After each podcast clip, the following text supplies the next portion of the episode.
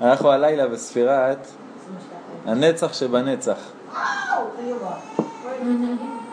הנצח שבנצח. הנצח אנחנו יודעים שזה ניצחתי ואנצח, שזה ניצחון, שזה הצלחה, שזה כל הדברים הטובים. אם ספירת ההוד זה אחרי שאתה חוטף נוקאוט ואתה לקרשים, אז הנצח זה שהיריב שלך לקרשים, וכשזה בעבודת השם זה סבבה, זה המצבים שכולנו אוהבים. אני באש, בהתלהבות, אני מצליח, הכל רץ לי, היצר הרע כנראה עסוק בפרויקטים אחרים, ואתה מפחד לדבר על זה, שרק לא יפסיק. זה ספירת הנצח. מה זה הנצח שבנצח? הטוב שבטוב. זה נשמע יותר טוב. אבל הנצח, אה, התכונה הנפשית שלו זה ביטחון. כדאי מאוד ללמוד את זה בעל פה, את, ה, את התכונות הנפשיות של הספירות. זה דברים שמאוד חשובים. אתה יכול להבין ככה כל מיני תהליכים שעוברים עליך. הנצח זה ביטחון, ההוד זה תמימות. הנצח זה ביטחון בהשם, אבל לא ביטחון שהוא ביטחון כאילו תעשה ואני לא עושה כלום. זה ביטחון כמו של דוד המלך, שארדוף אויביי ואשיגם ולא אשוב עוד כלותם, ואמר הזוהר הקדוש, ובגלל שהיה לו ביטחון כל כך גדול בקדוש ברוך הוא יוכל לעשות הכל בעצמו, ועדיין לדעת שזה מהשם יתברך. יכל לרדוף ולהכות ולנצח, ולהבין עדיין שהכוח הזה זה מהקדוש ברוך הוא. אומר הזוהר הקדוש שחזקיהו המלך היה לו פחות ביטחון בהשם. אמר אם אני ארדוף, אם אני אלחם ואני אצליח, אני ארגיש שזה אני. אז הוא הלך לקיר ושכב, התפלל, הסתובב לקיר, התפלל שהשם יעשה את זה. אבל מי שהיה יותר רציני זה דוד המלך. אני אומר את זה בכוונה כי הגיעה אליי חוברת לא מזמן מקריאת ספר, שאומרת אסור ללכת לצבא ואסור לזה ואסור לזה ואסור לזה, למה כמו חזקיהו המלך? שחזקיהו המלך היה עם הכי הרבה ביטחון בהשם, שכב, הסתובב אל הקיר, התפלל והקדוש ברוך הוא הרג את כל האויבים, אין לך מה לעשות בצבא.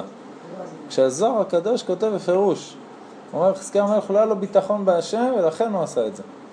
שיש לו ביטחון בהשם, יוצא ועושה ופועל, ועדיין לא אומר כוחי ועוצם ידי, אלא הוא הנותן לך כוח לעשות חיל. זה ספירת הנצח. אז כשמגיע לך פרויקט, כשמגיע לך איזו התמודדות, כשמגיע לך איזה אתגר, אז ספירת הנצח שבנצח זה הרצון להצליח והרצון לקחת פרויקטים והביטחון בהשם שאני אעשה ואני אצליח והכל יהיה בסדר. אז הרצון להצליח זה הספירה של הליין. כתוב בויקרא כ"ג, והניף את העומר לפני השם, לרצונכם ממחרת השבת יניפנו הכהן. אתה רואה שהעומר קשור פה, ספירת העומר קשורה לרצון של עם ישראל. שצריך להניף את העומר לרצונכם. מה זה אומר לרצונכם? זאת אומרת שאם אני עושה את ההנפה של העומר בלי שאני רוצה, לא עשיתי כלום. יש, אה, יש הלכות בהלכות טומאה וטהרה, כתוב שאם אה, אחד משבעת המשקים נופל על פרי או על אוכל או על משהו אחר, אז הוא גורם לו להיות מוכשר לקבל טומאה. זאת אומרת, אם אני עכשיו רוצה לאכול אפרסק, אני הולך ואני שוטף אותו, הידיים שלנו טמאות, עד שלא נטלתי ידיים הן טומאה. אז אני שוטף אותו במים ונוגע בו, עכשיו הוא מקבל טומאה. זאת אומרת, או שתיטול ידיים, או שתנגב את הפרי. זהו, שאתה אוכל עם אה, משהו עם אה, מזלג וסכין, אז אין את כל ההלכות האלה של דבר שטיבולו במשקיע. אומר הפסוק כי יותן. מה זה כי יותן? אומרים לנו חז"ל, רק אם זה לרצונך. אם נשפך מים על הדבר הזה בלי שאתה רוצה, הדבר הזה לא מוכשר לקבל טומאה. בסדר? זאת אומרת שהרצון של יהודי זה דבר שחי ופועל ועושה דברים בבריאה. הדבר הזה, הפרי, השסק, האפרסק הזה, יקבל טומאה או לא יקבל טומאה, לפי הרצון שלי. עכשיו, בית דין בחיים לא יודעים אם זה הרצון שלי או לא, אף אחד לא יודע, חוץ מהקדוש ברוך הוא. זאת אומרת, רצון של יהודי זה דבר שפועל ויוצר ועושה ומשפיע. אז יש לי שאלה. אז אם עכשיו אני לוקחת אני שוטפת אותו, אז אני צריכה ליטול ידיים קודם? נכון. או לנגב אותו לחילופין? נכון. זה הלכה, בשולחן ערוך, זו הלכה מאוד לא מפורסמת, אתם צודקים מאוד. אספר לכם סיפור, הרב אליהו הגיע לאיזה אדמו"רות מאוד מאוד רצינית. בלי ברכה. בלי ברכה. אפילו גם בלי כלי, רק לשטוף ידיים. כן. אה, רק לשטוף את הידיים? נטילה בלי כלי. זה כמו של המנה. בלי כלי. זאת אומרת, לפתוח את הברז ולעשות ככה, אחת, שתיים, שלוש, וזהו. מה מצב כזה? כמו למשל לצאת מה- אני אסביר. אני אסביר רגע. אה, הרב מרדכי אליהו הגיע פעם אחת לאיזה אדמו"ר, ושם עשרות אלפי חסידים מסביב, ומגישים לו מלא דברים, הוא אומר, הגיעו, הגישו ענבים שטופים בקערה של זהב. חסידות מאוד עשירה. ואומרים לרב, תברך. כאילו, אחרי שהרב יברך, כולם יתנפלו על זה, לא ישאירו כלום, זה שיריים. אז הוא אומר, אני לא יכול. האדמו"ר אומר לו, לא, אתה לא יכול. הוא אומר לו, דבר שטיבולו במשקה, אני צריך אה, ליטול ידיים. הוא אומר לו, אוסחב גזונט טיבולו במשקה, ווס איז דיס. אז הוא אומר לו, שולחן ערוך, טיבולו במשקה. הוא קורא לבית דין. בית דין זה אני החבר'ה הרציניים בהלכה. הוא אומר להם, אפשר לאכול את זה? הוא אומר לו, כן. הוא אומר להם, הרב, הראשי אומר שלא. לו, למה הרב אומר את זה? אומר להם, תפתחו, שולחן ערוך, סימן זה וזה, זה וזה. פותחים, אומר לו, כן, צריך איתו לידיים. אז אומר להם, טוב, טוב, תביאו נטילת ידיים, אומר, גם כלי של זהב, הכל, זה, מגבת רצינית, הכל. לקח ענב אחד, עשה בורא פרי עץ, הוא אומר, אין, כל הקערה נעלמה, לא נשאר לו אפילו שיעור לברכה אחרונה. אבל מאז הכירו את ההלכה הזאת, הלכה שלא מכירים אותה. לא מכירים אותה גם מעוד סיבה, שגם לפי מנהג מרוקו ועוד כמה מעדות צפון אפריקה, וגם הרבה מהאחרונים סומכים על התוספות שאומר שבימינו אין את הדין הזה, זה רק טומאה וטהרה שבזמנם. אז מי שרוצה ללמד זכות, מי שלא עושה את זה זה בסדר, כי יש לו על מי לסמוך. אבל שולחן ערוך בפשטות, בכל דבר שהוא נגע בשבעה משקים, ראשי תיבות שלהם זה יד שחט דם, יין, דבש, שמן, חלב, טל,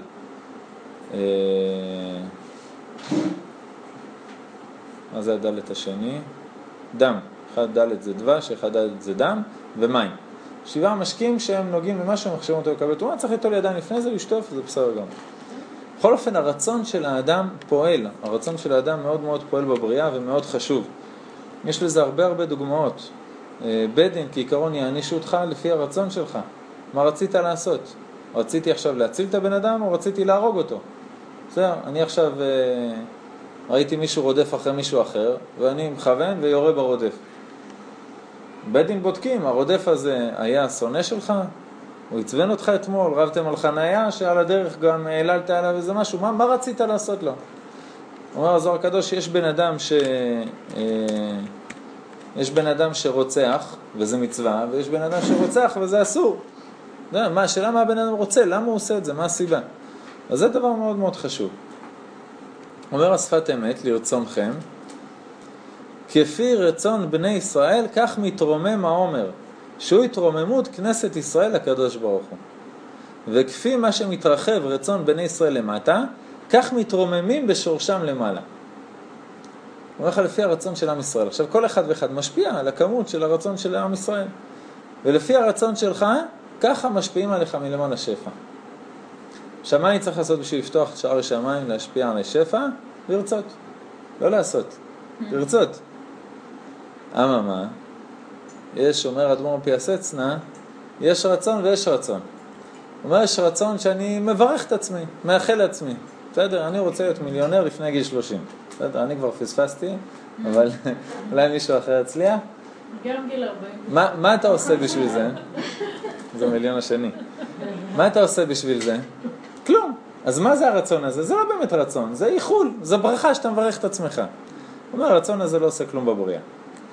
רצון שאתה כל כך כל כך רוצה, שלמחרת בוקר אתה קם ומתכנן את הלו"ז ומכניס את זה בסדר יום ועושה מעשים וזה הרצון. זה אומר שאתה מאוד רוצה את זה. הייתה חבורה של חסידים שדיברה פעם על החשיבות של ארץ ישראל והעלייה לארץ ישראל וכל זה. פתאום קם אחד, הלך, קנה כרטיס לאונייה, לקח את המשפחה, נסע לארץ ישראל. החסידים התחילו לצחוק עליו, איזה בן אדם חיצוני הוא, איזה גשמי. אנחנו מדברים על פנימיות, הדברים בנשמה, זה הוא קם ועושה מעשים. זה החיצוניות של החיצוניות, זה לקנות כרטיס ולנסוע לאונייה. אומר להם האדמו"ר, הוא כל כך רצה עד שזה התבטא בחיצוניות. אתם לא באמת רציתם, בגלל זה אתם מדברים ומדברים ומדברים ומדברים ונשארים פה בחוץ לארץ. אז רצון אמיתי זה רצון שמזיז אותך, שאתה פועל, שאתה באמת רוצה. וזה המדד, לראות האם באמת הסדר יום שלך משתנה בעקבות הרצון הזה. היה, אני לא זוכר אם זה הרב ארוש או, או רב אחר, אני לא מחילה שאני לא זוכר, אבל זה מישהו מהאזור של הידברות או זה, שהגיע לבית חולים לאיזה בדיקה, לא, לברך איזה מישהו, איזה חולה שהיה שם, ובמיטה על יד שכב מנהל של סניף בנק, פועלים, בתל אביב איפשהו, ועכשיו שוכב שם חולה וזו מחלה רצינית, והוא אומר, הרב, אתה יכול גם לברך אותי? אז הוא אומר לו, מי אתה? הוא אומר לו, אני זה וזה, מה אתה עושה? מנהל בנק. הוא אומר לו, תתאר לי את הסדר יום שלך כשאתה לא בבית חולים. הוא אומר לו, אני קם בשש, טס לעבודה, פותח שם זה, עושה דברים, ב-11 אני מכניס איזה קרואסון ונס קפה, וב-11 בלילה אני חוזר הביתה, גמור, זה... הוא אומר לו, אז למה שאני אברך אותך שתבריא? בשביל שתחזור לסדר יום הזה? לא רוצה. ההוא הזדעזע, פתאום הוא קולט שהחיים שלו בזבל. אז הוא אומר לו, הרב, תברך אותי שאני אבריא ואני אעשה את זה אחרת. הוא אומר לו, אני לא מכיר, אני אעשה את זה אחרת. תביא דף ועט, תתאר לי עכשיו את הסדר יום שלך אחרי שתבריא, איך שהוא ייראה. ואני רוצה לראות בפנים תפילות, תפילין, שיעור תורה, איזה חברותה, הפסקות לאוכל נורמליות וסדירות. ואז נדבר. יש לי למה לברך אותו, בשביל מה לבזבז ברכה סתם. אה, הוא יכול להתפלל כל הלילה, אין לו בעיה, אבל רוצה לעורר אותו. הוא רוצה לראות שהרצון הזה קשור למעשים. באמת, ישב איתו סדר יום, ברך אותו, הכל, הבן אדם השתנה. השתנה, נהיה בן אדם אחר. אומר שפת אמת, כפי הרצון של בני ישראל, כך מתרומם העומר. מה זה העומר? התרוממות כנסת ישראל לקדוש ברוך הוא. וכמה שמתרחב הרצון של בני ישראל למטה, כך הם מתרוממים משורשם למעלה. לכן, יש ספירת העומר 50 יום. כמו שהיה מציאת מצרים עד מתן תורה, שהתרוממו בכל יום ויום עד שהגיעו למדרגת קבלת התורה. אני חשבתי, לפני שקראתי את השפת אמת, שבגלל שהקדוש ברוך הוא נתן להם 50 יום להתכונן, אז הם התכוננו 50 יום. ובגלל זה גם אנחנו מתכוננים 50 יום, וגם שנה הבאה ולפני שנה אנחנו מתכוננים רק 50 יום. אמר שפת אמת זה לא ככה, תשנה את הזווית מבט. בגלל שעם ישראל הפעילו רצון אדיר במשך 50 יום והשיגו מדרגות מטורפות, עד עכשיו הרצון הזה פועל עליך. הם, הם בעצם עשו מהימים האלה שמפסח ועד שבועות מדרגות של עלייה בזכות הרצון שלהם שנשארו לנצח. יש לנו עד היום את העליות של ספירת העומר בזכות השנה הזאת של יציאת מצרים של בני ישראל. הם היו השורש של כל נשמות ישראל, 600 אלף שיצאו ממצרים. הם התרוממו ממ"ט שערי טומאה למ"ט שערי קדושה ב-49 יום, כשחז"ל אומרים שכל שער שאתה יוצא מהטומאה אתה נכנס שער אחד לקדושה. אתה יודע, אני אגיד עכשיו משהו בהכללה, לא לתפוס אותי במילים. כל קילומטר שאתה מתרחק מתל אביב, זה קילומטר שהתקרבת לירושלים, באותו קילומטר, בסדר? אבל באמת לא להכליל. אז זה ממש כל יום יצאו משער של טומאה והתקרבו לשער של קדושה. עד כדי כך שמרוב התלהבות לתקן, הם תיקנו את החטא של האדם הראשון אפילו. שזה לא ציפו מהם, הקדוש ברוך הוא ביקש מהם להתאר, לתת שערי קדושה, כמו שהיה לאבות, לשבטים, הכל, אחרי החטא של האדם הראשון. הם תיקנו עד כדי כך שהגיעו למדרגה של האדם הראשון לפני החטא. לפני הזוהמה של הנחש הטיל בחווה, ואיך רואים את זה? מזה שהאריזל כותב בחטא העגל. חטא העגל שהם מתרסקים, אז כותב אריזל והתנצלו את אדיאם מעליהם. הוא אומר, זה גימטריה עדן. שלקחו אותה ממדרגת גן עדן. זאת אומרת שמתן תורה הגיעו למדרגה של גן עדן לפני החטא.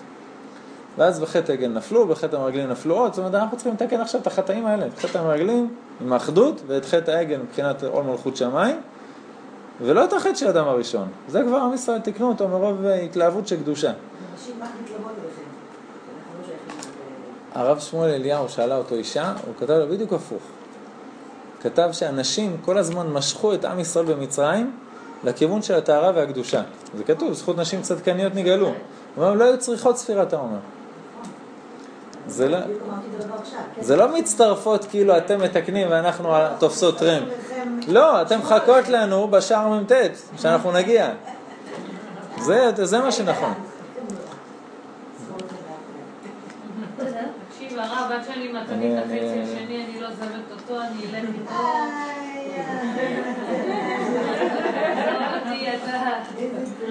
עד. לא ככה,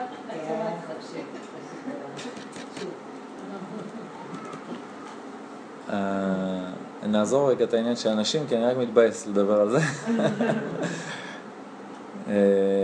הרצון שלך עכשיו, נגיד למשל יש לך יום אחד בשנה, שאתה באותו יום ממש הצלחת לנצל את ספירת הנצח, ביטחון ותמימות, וניצחת והצלחת והכל, שנה הבאה באותו יום אתה תרגיש התעלות, אתה לא תזכור בכלל למה. אבל אתה על ידי הרצון הזה קבעת לעצמך מדרגה שהיא עכשיו תחזור כל שנה ושנה בתאריך הזה. זה דבר מדהים. וזה השפת אמת. הוא אומר, עם ישראל ביציאת מצרים קבעו לנו 50 מדרגות עד שבועות, שעד היום אנחנו משתמשים במדרגות האלה, הם בנו לנו סולם. עד היום אנחנו עולים, עם ישראל, כל שנה בזמן הזה עולה בסולם, שעם ישראל חידשו על ידי הרצון שלהם. אל תזלזל ברצון, ואני אומר לך, אני רוצה, אני לא מצליח, אבל אני רוצה. אם זה רצון אמיתי, אל תזלזל, הרצון הזה יוצר דברים. אני שאמרתי את זה אולי איזה אלף פעמים בשיעור הזה, שהמהרש"א כותב שהאדם רוצה להתקדם לקדושה, רוצה להיטהר, אומרת הגמרא, מסייעים בידו. שואל המהרש"א, מי זה מסייעים בידו? הוא אומר, נבראים מלאכים מהרצון שלו, והם עוזרים לו לעשות את הרצון הזה בפועל. זאת אומרת, נבראים מלאכים מהרצון. עכשיו, האמת שאם בן אדם מבין בקבלה, הוא לא יתפלא על השיעור הזה, כי הרצון זה הכתר. אז שום דבר לא עומד לפני הכתר, זה הדבר הכי גבוה שיש. זאת אומרת, בן אדם אה, רק ירצה וזהו, אבל רצון אמיתי, אבל הוא לא יכול, הוא יעקוף את כולם בסיבוב, רק מהרצון. לצורך העניין, בן אדם שהוא בסיביר, ואין לו שום אפשרות אה, להניח תפילין, אבל הוא מאוד רוצה, הוא יעשה רעש בכל העולמות יותר מהבבא סאלי שהניח רש"י ורבנו תם כל היום. למה? כי הוא פועל בעולם המעשה, והוא בכתר. רק הוא לא יכול, הוא בסיביר. אבל הוא רוצה ומשתוקק ובוחר, הוא ישנה את כל העולמות. שרנסקי. נכון, נכון. שרנסקי יש עליו כמה סיפורים מדהימים של מסירות נפש על הכיפה ועל על כמה דברים, נכון, על התהילים. גם. אומר הרב קוק, יש, העברנו שיעור על זה, מי שרוצה אני אשלח לה. הרב קוק כותב באורות הקודש, רצונו של האדם הוא קשור ברצון האלוהים והוא נובע מזיו אורו. זאת אומרת, הרצון זה הנקודה שאתה והקדוש ברוך הוא נפגשים. רק כל הזמן שאין האדם מגלה בעצמו את היחס הזה, זאת אומרת, או שהוא לא מתחבר לרצון שלו, עובד על uh, כוחות נפש אחרים, זאת אומרת, הוא עושה ופועל וזה הכל, אבל לא מרצון, מהכרח או מסיבה אחרת, אין מתגלה ברצונו אותה הסגולה האלוקית שבו. אם אתה לא מתחבר, מה אתה רוצה מהקדוש ברוך הוא? הקדוש ברוך הוא יש לו מה לעשות. האם אתה רוצה להתחבר להשם, אז יש חיבור גם מלמעלה. אבל כל מה שהאדם שם אל ליבו לדעת, שאין לנו שום רצון אחר כי אם התגלות מאור הרצון האלוקי, לפי מידת הגילוי הזה, זאת אומרת, לפי כמה שאתה מבין שהשם מתחבר אליך במידה שאתה רוצה, כמו שאומרים בחסידות, איפה שתכניס את הקדוש ברוך הוא, שם הוא יהיה. לפי מידת הגילוי הזה מתגלה כוח הסגולה ברצונו להיות פועל, מהווה, מחדש וגוזר. זאת אומרת, אני אקח את הבבא סאלי, שהרצון שלו זה רק להתאחד עם השם, אז בעצם הרצון שלו זה הרצון של הקדוש ברוך הוא, כי הרצונות שלהם שווים. עשה רצונו כרצונך, כדי שיעשה רצונך כרצונו. אז אם זה שווה בשני המדדים האלה, כל מה שהבבא סאלי רוצה, גם הקדוש ברוך הוא רוצה. כל מה שהקדוש ברוך הוא רוצה קורה. אז הוא אומר, אתה יכול להיות פועל, מהווה, מחדש וגוזר. הנה, מי שרצה לעשות מופתים, ניסים, זה הנוסחה. להשוות הרצון לרצונו של הקדוש ברוך הוא. ולפי אותה המידה באה התפילה ומראה את נפלאותיה. ובא גם כן הביטוי הרגיל ועושה נפלאות, ולפעמים גם שלא בכוונה, כמו ברכת חכם או קללת חכם, ש... שאפילו שלא נתקיים על תנאי היא מתקיימת, ושגגה יוצאת מפני השליט לטוב ולמוטב, וגם בהתגלותה של איזה תנועה, כמו שליף חד מסנה ואתם איתרא, טרם יקראו ואני אענה, עוד הם מדברים ואני אשמע. כך כותב הרב קוק. אומר אם הרצון שלך מחובר לרצון של הקדוש ברוך הוא, גם אם אתה תעשה פעולה גשמית, תזיז את היד, תעפף, תעשה משהו, זה ישפיע על כל העולמות. גם אם זה לא בכוונה, וגם אם חכם קילל מישהו או ברך מישהו על תנאי, רק אם תעשה ככה וככה אז אני אברך אותך, או רק אני אקלל אותך, אומרת הגמרא, זה מתקיים, גם אם התנאי לא יתקיים. קריאת חכם אפילו על תנאי מתקיימת. ולמה? בגלל שזה הקדוש ברוך הוא. הוא מחובר בכל המתרים שלו להשם יתברך. מדובר על חכם כזה כמובן. יש סיפור בספר על רבי יעקב אבוחצירא, שהוא ישב בחדר ולמד, והשמש שלו ככה מגיש לו ספרים, ואחת הנכדות טיפסה למעלה ליד גג, ומתחילה לתופף על הדלת. עכשיו הרב, רבי יעקב אבוחצירא לומד, ופתאום הוא שומע שמפריעים לו, הוא עשה ככה עם היד. כאילו לסמן לשמש שיפסיק את ההפרעה. באותו רגע הנכדה נפלה מתה. רק כאילו, ככה, אומר, זה מה שהרב קוק אומר. הוא אומר, אפילו אה, בהתגלותה של איזה תנועה, ואפילו לא בכוונה. כשנהיה רעש, כולם התחילו לצרוח וזה, אז הרב יצא, שאל מה קרה, אמרו לו, עשית ככה, היא מתה. אז הוא אמר, תביאו כוס מים, קרא לזה תהילים, תמרחו עליה וחזרה לחיים, הכל בסדר. אבל יש צדיקים שלא יודעים לעשות את הכוס מים. כאילו נשאר רק התנועה ושבת שלום, וגם זה יש הרבה סיפורים. השם ישמור. אז הוא אומר, זה כל כך מחובר לרצון האלוקי שזה פועל. והתפילה, במציאותה ובאמונתה מבססת היא את היסוד שגדולת הרצון של האדם וקדושתו. אתה רוצה רצון, נכון? אתה יוצא מהשיעור הזה ואתה אומר, אני רוצה לרצות, אני מת לרצות. למה? כי הרצון זה הכי חשוב. איך אני משיג רצון? איפה קונים את זה? אין את זה באיביי. חיפשתי, גם באנגלית. התפילה. תפילה, תפילה ותפילה. ברגע שאתה מתפלל, אתה בעצם מגלה את הרצון שלך לדבר עם הקדוש ברוך הוא, בעצם אתה רוצה להתחבר אליו, אתה רוצה ממנו משהו, אם זה בקשה על תפילה, על רפואה או משהו אחר, ואתה רוצה שהוא יעשה את רצונך. ובעצם הרצונות מתחברים בתפילה. אז הוא אומר, אם אתה רוצה רצון, תפילה. התפילה היא מבססת את היסוד של גדולת הרצון של האדם וקדושתו. והרצון הוא היסוד של כל החיים, כל הנפעל. הכל מתעלה, מזדכך, מתקדש ומתרומם בו, ברוממות קדושה אלוקית על ידי התפילה. וגרעין אחד של תפילה נושא עמו משך של חיים רצוניים אדירים לפניו ולאחריו. תראה מה הרב קוק כותב לך טיפ, הוא אומר לך גרעין אחד של תפילה. לפעמים פרק אחד תהילים, אבל עם כל הלב, יכול למשוך משך של חיים רצוניים אדירים לפניו ולאחריו. זאת אומרת, שנה לפני שאתה תגיד את הפרק הזה, יהיה לך כוחות של רצון בזכות זה שאתה הולך להגיד את הפרק תהילים הזה, או בזכות השחרית או המנחה או הערבית הזאת המיוחדות, שאתה ממש התרגשת והתפעלת עם כל הלב. ואחריו, חיים שלמים לפני ואחרי של תפילה אחת, היא יכולה לתת לך כוח. התפילה זה בטריה. אם אתה רוצה כוחות נפש, לעשות ולפעול, שיהיה לך כוח ודברים שאנחנו מחפשים בנרות. לא, המצב שאתה הכי שונא את עצמך זה כשאין לך כוח לכלום ועזוב אותי ונמאס לי מהחיים ודי. רק תלך לישון ושבת שלום. כלומר, אתה רוצה רצון, אתה רוצה כוחות, אתה רוצה בטריה, אתה לא רוצה להיות השלוש אחוז סוללה? תפילה. מה קורה כשבן אדם מתבאס ומתעייף ומתעצב והכל? הדבר הראשון שהוא מוריד זה התפילה. במקום להתפלל שעה, מתפלל חמש דקות. במקום שחרית מנחה וערבית, רק אחת מהן. במקום אה, את כל קי"ט, אה, עזוב, היום לא נגיד תהילים. מה אתה עושה? אתה יורה לעצמך ברגליים. מצחיק. כאילו, בדיוק את המנוע שאמור להטעין אותך, אתה זורק מהחלון.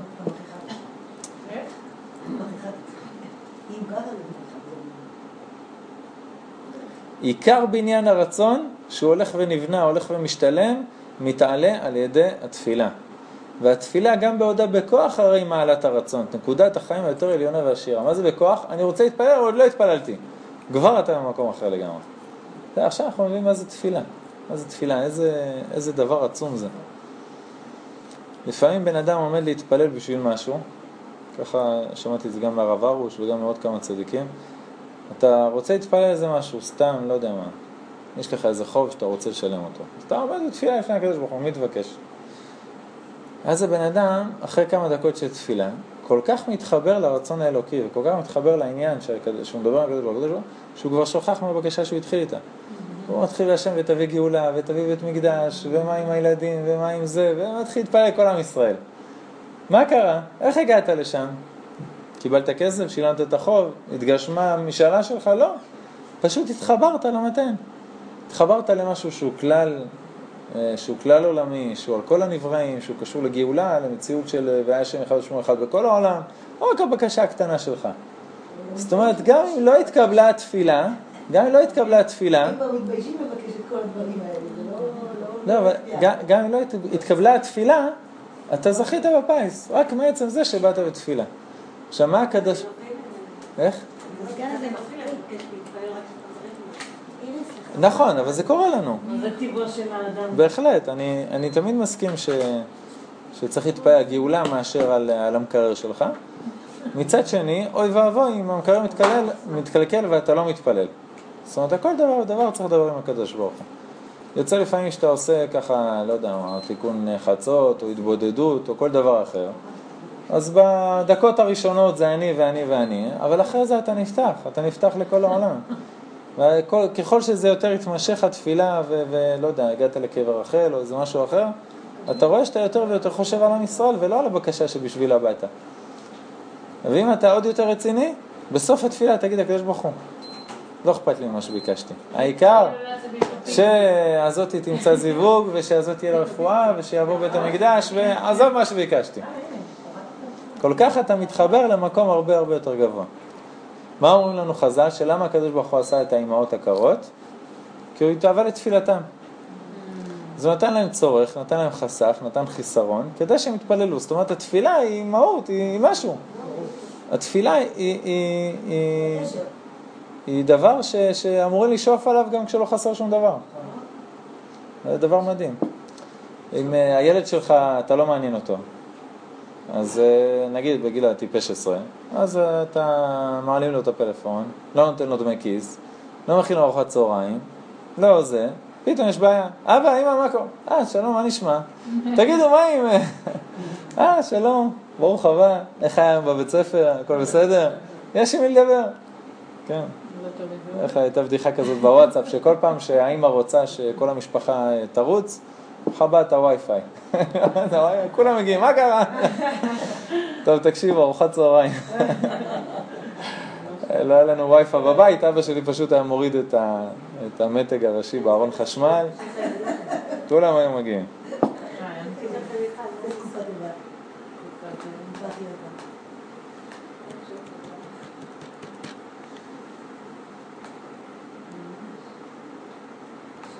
בגלל שהתפילה היא כל כך, כל כך, כל כך חשובה, מאוד חשוב לא להיכנס לתפילה ישר, על איזה מחלף.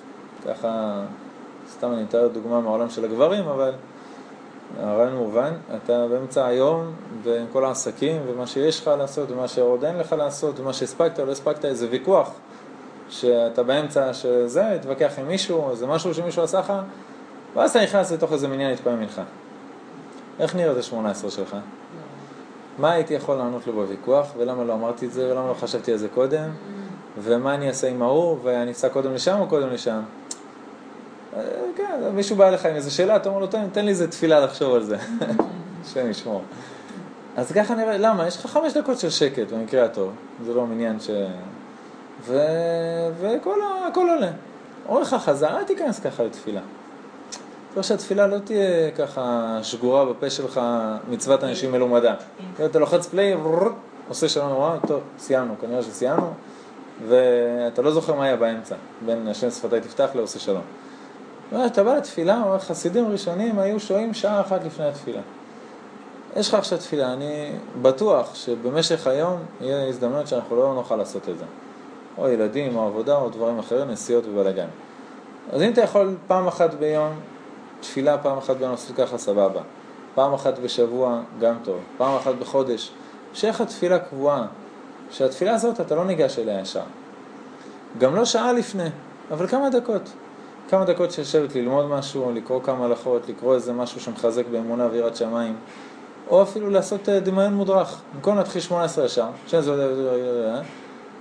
אתה יכול להתחיל שם שפתי תפתח, הופיע גיטי לתיך ותעצור. ותדמיין, תעצום את העיניים, תדמיין. או שאתה מתחיל ללכת לבית המקדש, ואתה רואה את כל עם ישראל עולים, ומגיע, ומשתחווה 13 פעם, ונכנס לחיים, מוריד את הנעליים, וטובל, ונכנס לעזרה, ואחרי זה רואה את המזבח, וממש מדמיין את כל הצורה של בית המקדש עד שאתה מגיע לתוך קודש הקודשים, אבל בחי, כאילו אתה רואה את כל מה שמסביב, ושומע וזה.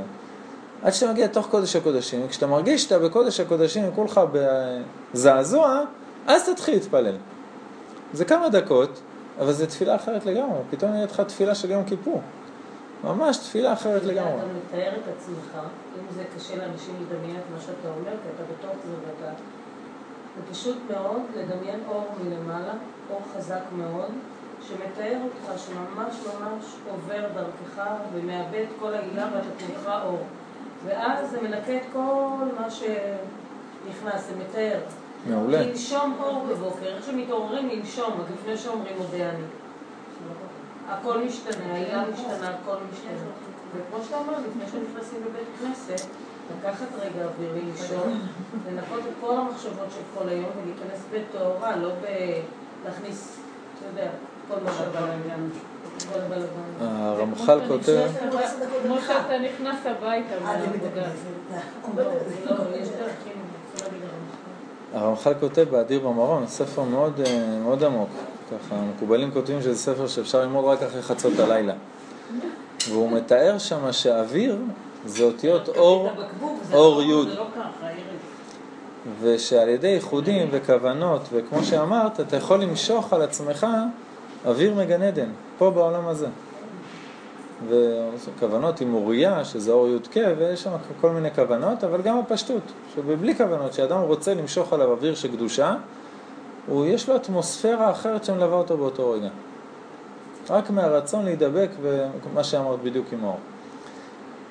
אה, או התבוננות כזאת, או התבוננות שאתה עכשיו בן יחיד, ואבא שלך עומד מולך.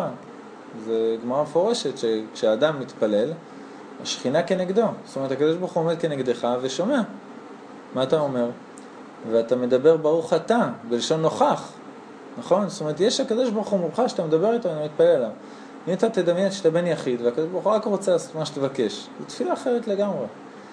אה, אתה יכול איזה ניגון, אה, לזמזם לעצמך איזה משהו, אתה לא יכול לדבר אם התחלת השם שפתי תפתח, אבל אה, זה ניגון שהוא ניגון של נשמה, שאתה מכיר אותו, ושכל פעם שאתה חושב עליו הוא ממש פותח לך את הלב. לנגן את זה ככה, בלי המילים, בלב, ואז להתחיל את התפילה. אפשר לשלב, אפשר לשלב את הדמיון מודרך, את ההליכה לבית המקדש, או דמיון אחר ביחד עם הניגון. אתה מתחיל תפילה אחרת לגמרי. היינו בחול המועד, היינו בתפילה עם הרב שמואל אליהו בבית כנסת אבואב בצפת, בכנסת העתיק, וזה משנה לך את החיים. תפילה אחת של חול המועד, שחרית אחת של חול המועד, משנה לך את החיים. שם פייטנים ועם שירי נשמה, לא פיוטים כבדים שרק הם שרים לבד, ממש שכולם משתתפים והכל, עם גיטרות וכלי נגינה והכל, וריקודים תוך כדי התפילה, ו... זה היה בחול המועד שלוש פעמים. אחת? שלוש פעמים זה היה בחול המועד, לא, עושים את זה גם בסוכות וגם בפסח. זה היה בצפת, במערת המכפלה ובכוכב יעקב. שלוש תפילות, אנחנו היינו רק בצפת, אבל זה משנה אותך, משנה אותך. אמרתי לבן של הרב שמואל אליהו, לרב עמיחי, אמרתי להם, היה לנו שחרית ככה כל בוקר. איך היינו נראים? איזה יום היה לך? היית נהיה נביא. היית נהיה נביא. שאול, שאול המלך, שמואל שואל לך את שאול להתנבא, הוא הולך, פוגש כת של מנגנים, הוא נמצא איתם יומיים, הוא מתנבא. נכון. ממה? משמחה של מצווה. עכשיו תשווה את זה שאתה מתפלל שחרית חצי שעה, ככה מניח תפילין, מנסה להספיק את כל מה שאתה צריך להגיד ורץ לעבודה. לעומת יום שאתה מתחיל אה, עם שירות ושבחות. איך דוד המלך התפלל?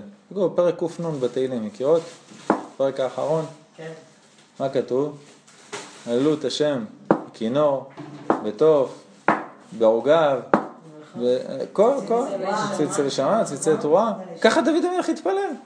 את החצות לילה מתחיל עם הכינור שהיה מאיר אותו, ואחרי זה היה לומד תורה, שר שירות תשבחות לקדוש ברוך הוא, זה דוד המלך. זה קשר אחר עם הקדוש ברוך הוא, זה הרצון שלך, כל כולו דבוק בהשם יתברך. אז זה גם, גם טיפ טוב, אתה מרגיש בבאסה, שים מוזיקה. ספירת העומר היא קצת בעייתי, שים איזה משהו ווקאלי או שתשאיר בעצמך. אתה רוצה להתחיל תפילה גם ממקום אחר, הרבה פעמים איזה שיר. שיר, שיר של סעודה שלישית, שיר נשמה אחר, משהו שאתם מכירים ואתם יודעים שהלב נפתח. זה יום אחר לגמרי, תפילה אחרת לגמרי, ואמרנו שהתפילה הזאת יכולה להשפיע על כל החיים שלך. לפני ואחרי התפילה הזאת. הזוהר הקדוש כותב שכשאתה מתפלל תפילה מאפנה, היא לא הולכת לאיבוד. יש איזה מחסן בשמיים, זה בוידם, שכל התפילות האלה נכנסות לשם. עד מתי? עד שאתה מתפלל תפילה רצינית, בכוונה, מעומק הלב, כשכל הרצון שלך מחובר לקדוש ברוך הוא, ואז התפילה הזאת עולה למעלה, לוקחת איתה את כל התפילות מהמחסן ומכניסה אותה. אם התפילה, אם בן אדם אה, דעתו לא זכה עליו, הוא לא מספיק מקוון, לתפילה אין כוח לעלות, היא באמצע מתפוררת, היא לא עולה למעלה. היא לא מתפוררת, זה מה שאומר הזוהר הקדוש, היא נכנסת למחסן, למחסן. יש מלאך מיוחד שלוקח אותה, מכניס אותה למחסן, זה לא עולה לדעתי. אם זה לא מהלב, זה לא, אין לזה כוח. הזוהר הקדוש. פעם שאלתי למה שחרית היא כל כך מוקדם בבוקר, שרובם ישנים, שאין את ההסחות דעת. אומרים שמלאכים מחכים שנתעורר מוקדם זה בבוקר, יעלו לקדוש ברוך הוא את התפילה למעלה. זה כתוב שכמה שיותר תפילה יותר מוקדם, יותר אה, עולה ביותר בקלות. אבל אה, אני אומר את הדעה של הזוהר הקדוש. אני לא אומר שום דבר מעצמי, אין לי מושג מה קורה בשמיים. אה, אומר, יש מלאך שלוקח, יכול להיות שהמלאך הזה עומד לידך, ושנייה לפני שהתפילה מתפוררת הוא לוקח אותה. אבל הוא שם את זה במחסן. למה אני אגיש אותה לפני המלך איך שהיא נראית? אי אפשר. ותפילה אחת בכוונה לוקחת את הכל. אומר שם הזוהר הקדוש, טיפ, אתה רוצה שכל תפילה תעלה, לא משנה איך היא נראית, תתפלל בציבור. כן. זאת אומרת, תפילה בציבור תמיד עולה. כן. זה אס. טוב. אתה יודע, אני שמעתי סיפור אפילו מדהים על אדם שהיה בבית חולים בטקסס במצב קשה, והוא מאוד מאוד רצה להתפלל מכל הלב יחד עם עוד אנשים, שיהיה לו מניין שהתפילה תעלה למעלה לריפוי. והגיע איזה כושית, נוצרייה, שהתפללה ג'יזוס, זאת אומרת, אם זה מה שיש בבית חולים, לפחות ניקח אותה. יהודי. הוא לקח אותה, אמר לה, את תתפללי את התפילה שלך, אני אתפלל את התפילה שלי, ונעלה אותה ביחד למעלה, כי הכוונה שלה הייתה טובה, כגויה. והתפללו, וזה סיפור אמיתי. הוא כיוון את מה שצריך לקדוש ברוך הוא, והכל השתנה במדדים, בכל. והוא אמר למה? משום שהכוונה שלה, היא באמת רצתה שאני ארפא, הכוונה שלה הייתה טובה. אני כבר קיבלתי אותה למעלה לאיפה שצריך. את יודעת מה אני חושב על זה. אני אחרת ממך, אתה יודע, אני מאמינה טוב, שיש... כוונה מחלוקת. אין בעיה, יש, לנו מספיק מחלוקות, זה בסדר עוד אחת. טוב, רבי חיים ויטל, רבי חיים ויטל, התלמיד של האריזל, כותב איך לעשות בתפילה שכל מה שתבקש ית, יתקבל. כמה זה שווה הטיפ הזה? רגע, לכתוב את המתכון. נעביר ביניכם מעטפה ו... אומר רבי חיים ויטל, לכן המתעלה בכוח כוונתו, מדבר לדבר עד הגיעו לאינסוף.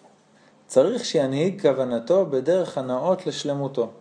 מה הכוונה? זאת אומרת, אם אתה רוצה להעלות משהו כמו שצריך למעלה בשמיים, שיהיה הרצון העליון מתלבש ברצונו, ולא שיהיה רצונו בלבד מתלבש ברצון העליון.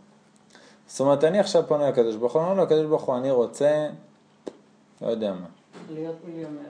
סבבה. להיות מיליונר. הקדוש ברוך הוא רוצה את זה? לא. יש לי הוכחה. אם הוא רוצה, הייתי מיליונר עכשיו, נכון? אז מה אני עושה? אני מלביש את הרצון שלי על הרצון של הקדוש ברוך הוא, בכפייה. אין, אין הרבה סיכויים שזה יתקבל. רגע, זה המשך.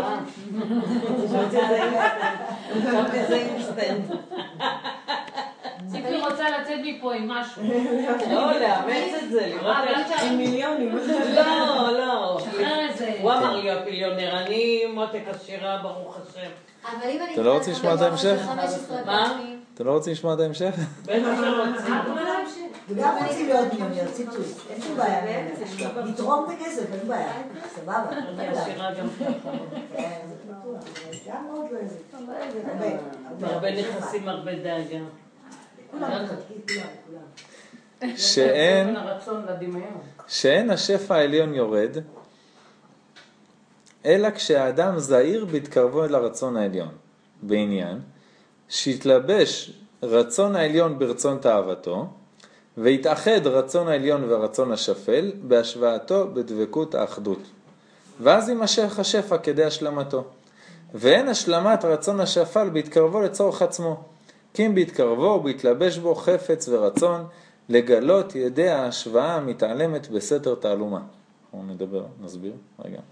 ובהתקרבו על דרך זה, אז הרצון העליון יתקרב אצלו ויוסיף אומץ בכוחו וחפץ, בר... וחפץ ברעיונו לגמור ולהשלים כל דבר, ואפילו לרצון נפשו, שאין לרצון העליון חלק בו. ובדרך זה נאמר שוחר טוב יבקש רצון. כי כפי יתדבק רצונו באופן הנאות לרצון העליון, אז יתלבש בו החפץ וימשיך רצון באיזה עניין שיתחזק בו בכוח כוונתו. נתחיל מהשורה האחרונה, ימשיך רצון באיזה עניין שיתחזק בו בכוח כוונתו. בן אדם שיגיע למצב הזה, יוכל לבקש מה שהוא רוצה וזה יקרה. לגזור, להוות, להמשיך, לקיים, מה שהוא רוצה. איך מגיעים לשם? הוא אומר, אם אתה תדבק את הרצון שלך ברצון של הקדוש ברוך הוא כדי שהוא יעשה את רצונך, אז הוא לא עבד שלך. למה מה קרה? למה מי אתה ומה אתה רוצה מהחיים שלי? למה שאני אעשה את רצונך? מאיזה סיבה? אבל אם האדם מדבק את רצונו ברצון השם לא בשביל לעשות את מה שהוא רוצה, הוא באמת רוצה לעשות רצון השם. אז הוא, למה הוא מדבק ברצון השם? בשביל השם יתברך. השם, מה אתה רוצה שאני אעשה? שולחן ערוך, אין בעיה. לאט לאט אני אתקדם, לומד שתי הלכות ביום, אני עושה כל מה שאני לומד, אני עושה. למה? כי זה רצונך. עשיית ישרים, עבודת המידות, כל יום אני אשתדל לעבוד עוד קצת ועוד קצת ועוד קצת ולהתקדם. חפץ חיים, שמירת הלשון, סבבה. כל ההלכות שצריך, שאני מכיר, שאני יודע ושאני יכול לאט לאט לקחת אותם על עצמי, אני לוקח אותם על עצמי. זאת אומרת, כל מה שאני יודע שהשם רוצה שאני אעשה, אני גם רוצה לעשות. מה עשיתי באותו רגע? דיבקתי את הרצון העליון ברצון שלי, אבל לצורך מה? לא לצורך עצמי, לעשות את הרצון העליון. אז עכשיו, עכשיו זה גם יעבוד הפוך.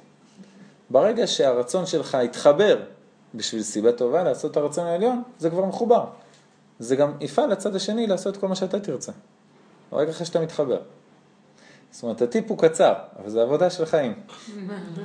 הבבא סאלי, לאט לאט.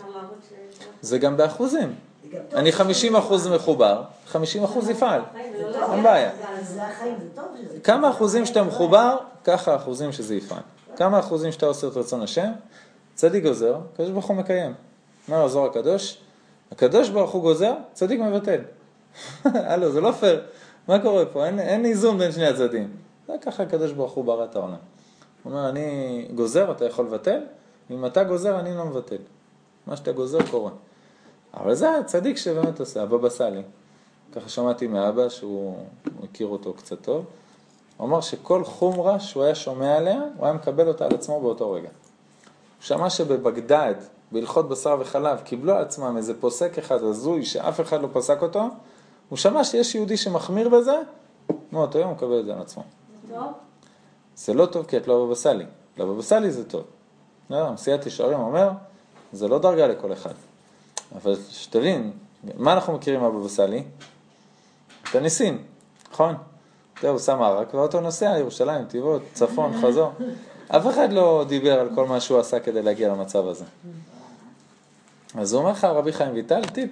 הוא אומר לך, תדע לך, כמה אחוזים שתדבק ברצון העליון לדעת, השם, מה אתה רוצה שאני אעשה? אני עושה את זה. וזה קשה, זה לא פשוט. יש החלטות ויש קבלות ויש הלכות שהן ממש ממש לא פשוטות, לא בפני עצמך ולא בפני החברה, וכל אחד בקשיים שלו, אבל הקדוש ברוך הוא, לפי זה ככה עובד איתך.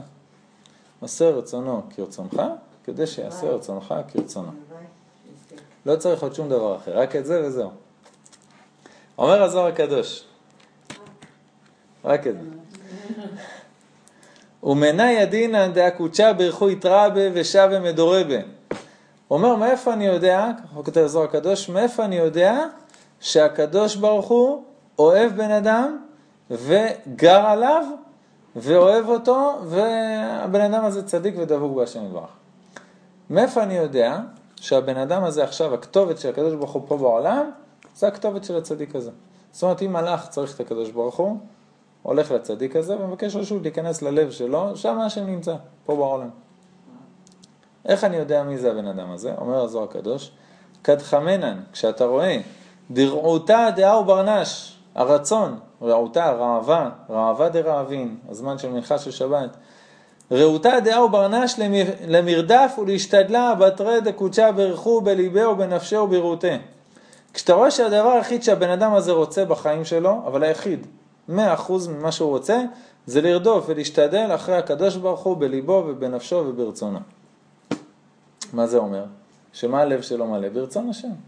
אין, לא מעניין אותו שום דבר. אז אם הלב שלו מלא ברצון השם, גם הקדוש ברוך הוא גר אצלו מאה אחוז. אמרנו, זה אחד לאחד. ודאי תמן ידינא דשריה בשכינתה. אתה יודע בטוח שהשכינה שורה על הבן אדם הזה, והקדוש ברוך הוא גר שם. כדן, אומר הזוהר כזה, טוב, אז מה עושים עכשיו? בעינן למקנאה וברנש בכסף שלים. הוא אומר, תוציא את כל הכסף שיש לך, כמה שרק צריך, בשביל מה? להתחברה בעדה ולמלף מיניה, להתחבר אליו וללמוד ממנו. שמעת, סתם אני זורק שמות, על רבי דוד אבוחצירא בנהריה, בסדר? ואתה הגעת למסקנה שהבן אדם הזה עכשיו, רבי דוד, צדיק יסוד עולם, בנם של קדושים, הוא עכשיו הנציג של הקדוש ברוך הוא בעולם מבחינתך. אז, אז תעבור דירה לנהריה, או שתיסע פעם בשבוע ללמוד ממנו תורה, וגם אם זה יעלה לך 300 שקל הלוך או 300 שקל חזור. אם זה הוא, הוא אומר, ת, תעשה הכל, תשלם כמה כסף שאתה רק צריך בעולם, להתחבר וללמוד מהבן אדם הזה. למה? כי השכינה עליו. זאת אומרת, זה המקום הכי קרוב שאתה יכול להגיע לקדוש ברוך הוא פה בעולם. ועל דא קדמי אבו אמרי, וקנה לך חבר. על זה הראשונים אומרים, מה זה וקנה לך חבר? חבר בלשון של חז"ל זה תלמיד חכם. מי שהיה שומר על טומאה וטהרה גם אחרי חורבן בית המקדש, קורא להם החברים.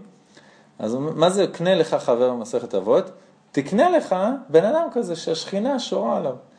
באגר שלים בא אלי מקנה, זה בכסף שלם בגין למזכה בשכינתה, כדי שעל שאתה קונה אותו, אה, נוסע ולומד והכל, אתה זוכה בשכינה. עד אחא בא אלי מרדף בתר זכאה ולמקננה.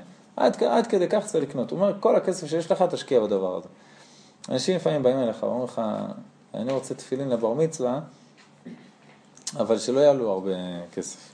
בסדר? אני מוכן אלף, אלף חמש מאות גג. כשתפילין מהודרות הכי פשוטות זה 2,200, 2,500 שקל. אז אתה אומר לו, תגיד, כמה הוצאת על הבר מצווה? זיקוקים ובלאגן ואולם ו...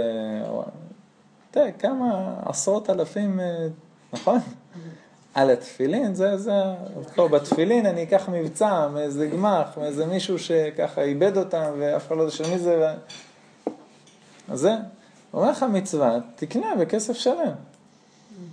את הפלאפל תחסוך, את התפילין זה אל תחסוך. מישהו התווכח איתי שבוע שעבר כמה כסף לתת לרב שמקדש. עכשיו, אני לא מכיר איזה רב הולך לקדש אותם, אני מכיר את הבן אדם, הוא גר בדרום איפשהו, הוא עומד להתחתן, הוא אומר לי כמה כסף צריך לתת לרב המקדש. אמרתי לו, תשמע, אני לא יודע, אין לי מושג. אני חושב שזה בסביבות אלף שקל, אבל אין לי מושג. יש חוק עכשיו שיצא שרבני הערים אסור לנו לקחת כסף על החופה, אבל אם אתה רוצה מישהו אחר שהוא לא הרב של האזור, אז כן, כדאי לשלם לו. אמרתי לו, אין לי מושג, אבל מה אני כן יודע? שעל החתונה אתה תוציא 200, 300, 400, 500 אלף שקל. אני צודק? אמר לי, כן. יותר קרוב ל-500.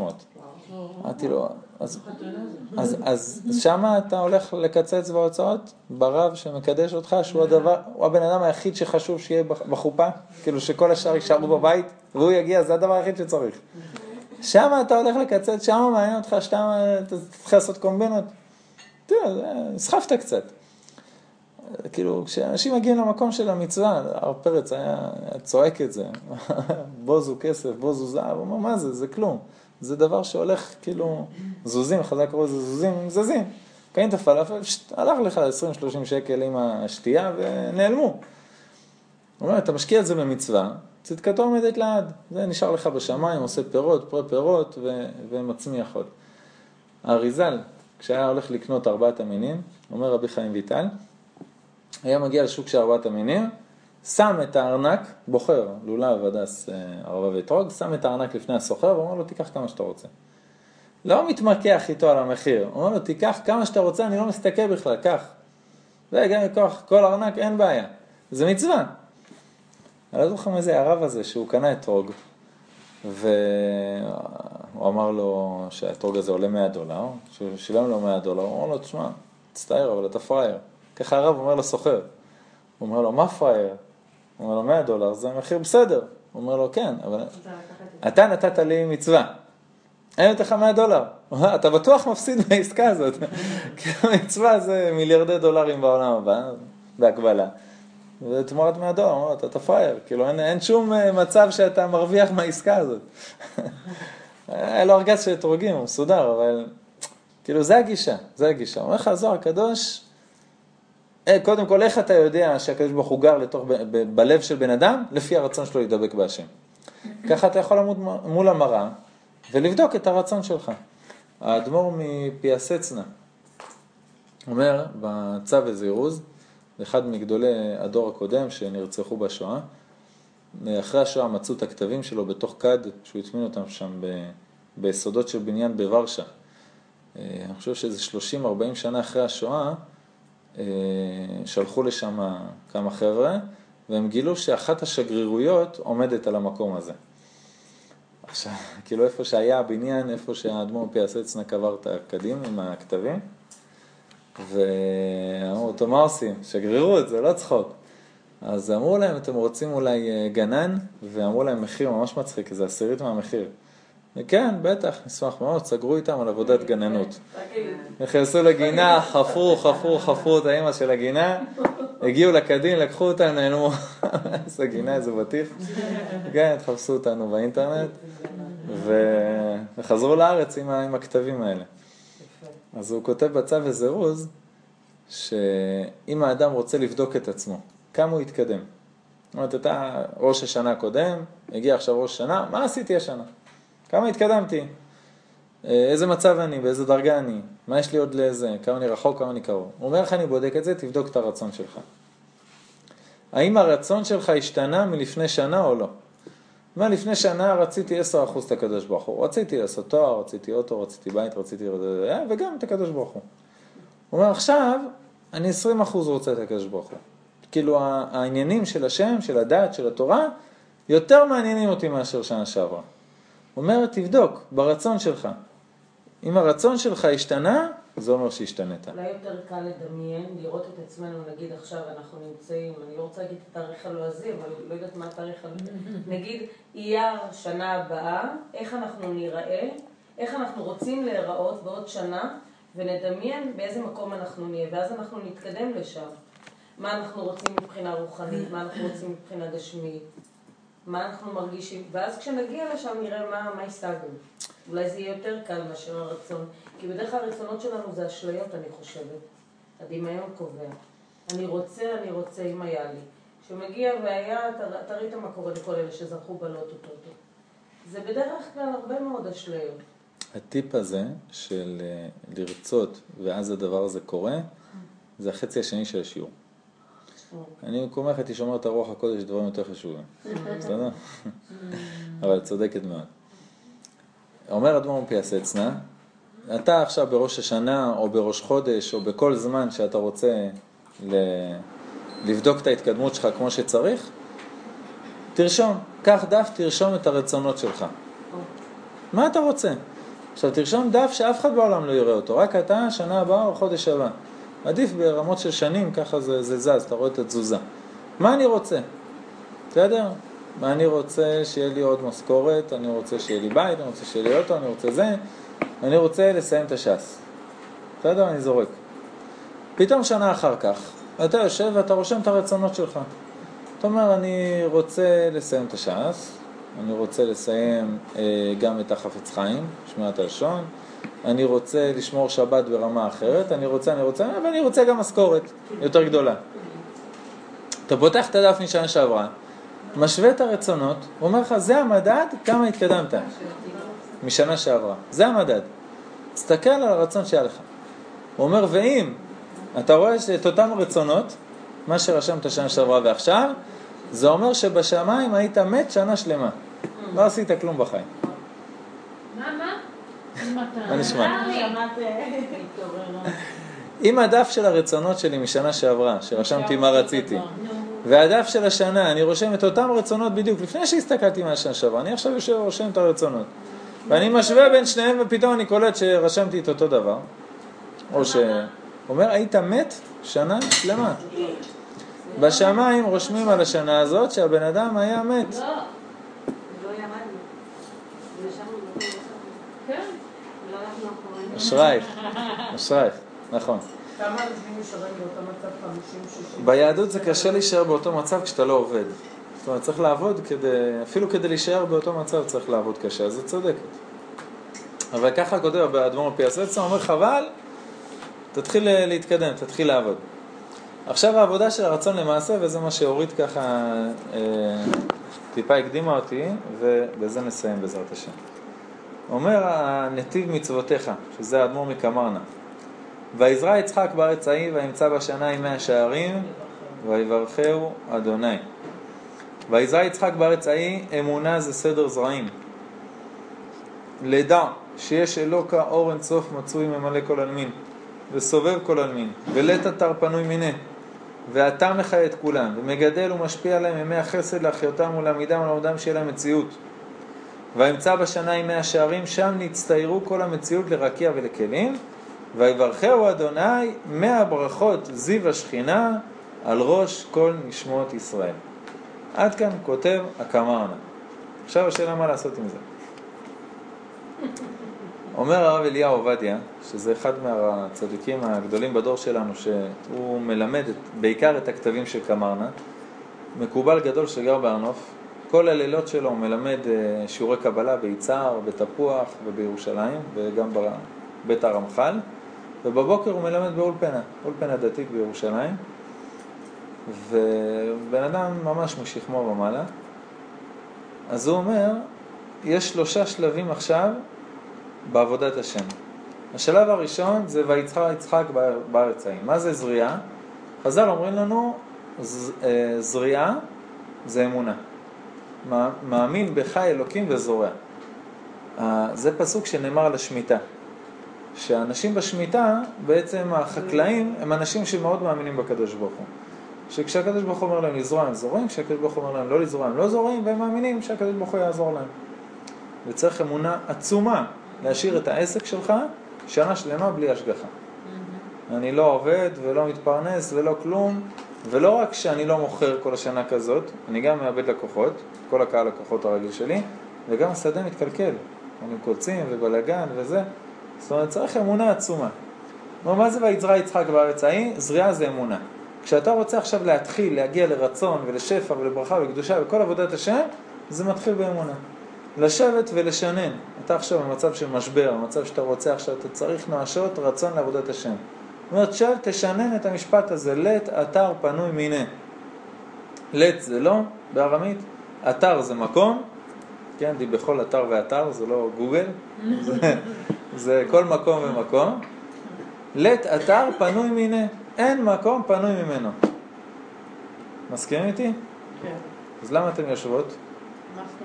אומרת? נכנס עכשיו הרב הראשי, הייתם יושבות או עומדות?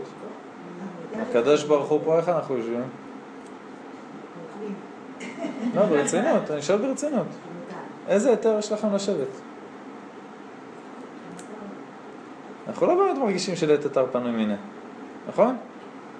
אם היינו מרגישים את זה, סתם כמו הבבא סאלי, היית רואה את כל שנייה ושנייה. כי הקדוש ברוך הוא לידך, והקדוש ברוך הוא זה פי מיליון מהבבא סאלי והרב הראשי ומשה רבנו ורבי שמעון בר יוחאי ורבי מאיר בעל הנס. אז האמונה שלנו היא לא ממש... אה, אז צריך לעבוד על זה.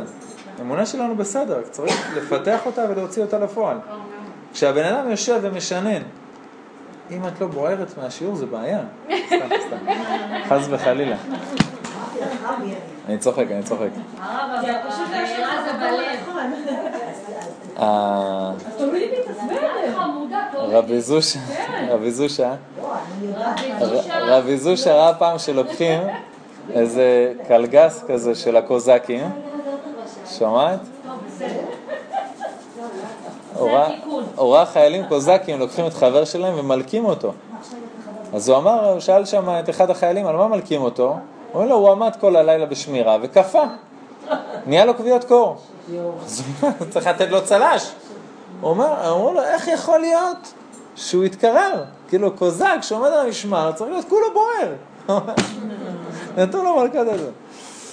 אני צוחק, בסדר, גם אני, אם הייתי ככה, הייתי כופה.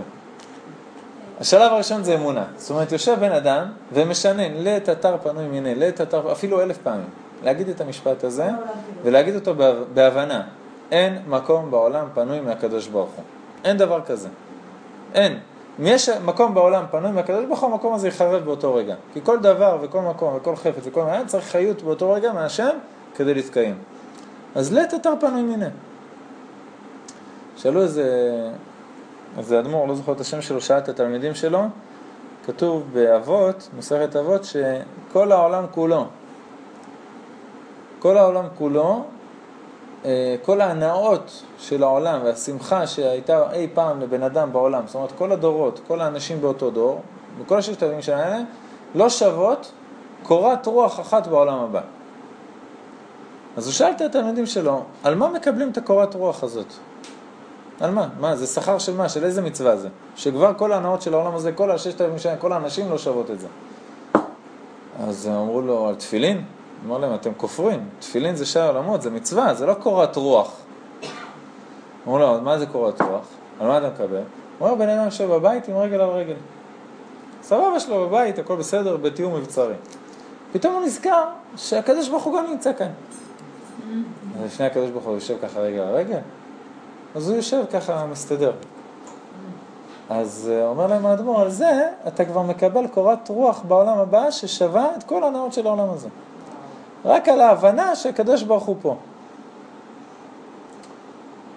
אה, אני לא זוכר איזה מקובל כותב את זה, זוכר באיזה ספר, אני לא זוכר מי כותב את זה, שהוא אומר שאם בן אדם עכשיו מבין מה זה שיוויתי השם נגדי תמיד, ומה זה התרפונו ממני, והוא מצטער על כל השנים שהוא לא עשה את השיוויתי השם נגדי תמיד, הוא אומר מאותו רגע, נחשב לו כאילו עשה את כל השנים אחורה. שיוויתי השם נגדי תמיד, כאילו הבין את זה כל הזמן, כאילו, זאת אומרת זה, משהו שהוא מעל הממד של הזמן. כי זה הקדוש ברוך הוא, זה אין סוף. אז ברגע שאתה מבין את זה, אתה מבין את זה, כל, כל החיים שלך נדבקים מההבנה הזאת. אפילו הבנה של רגע.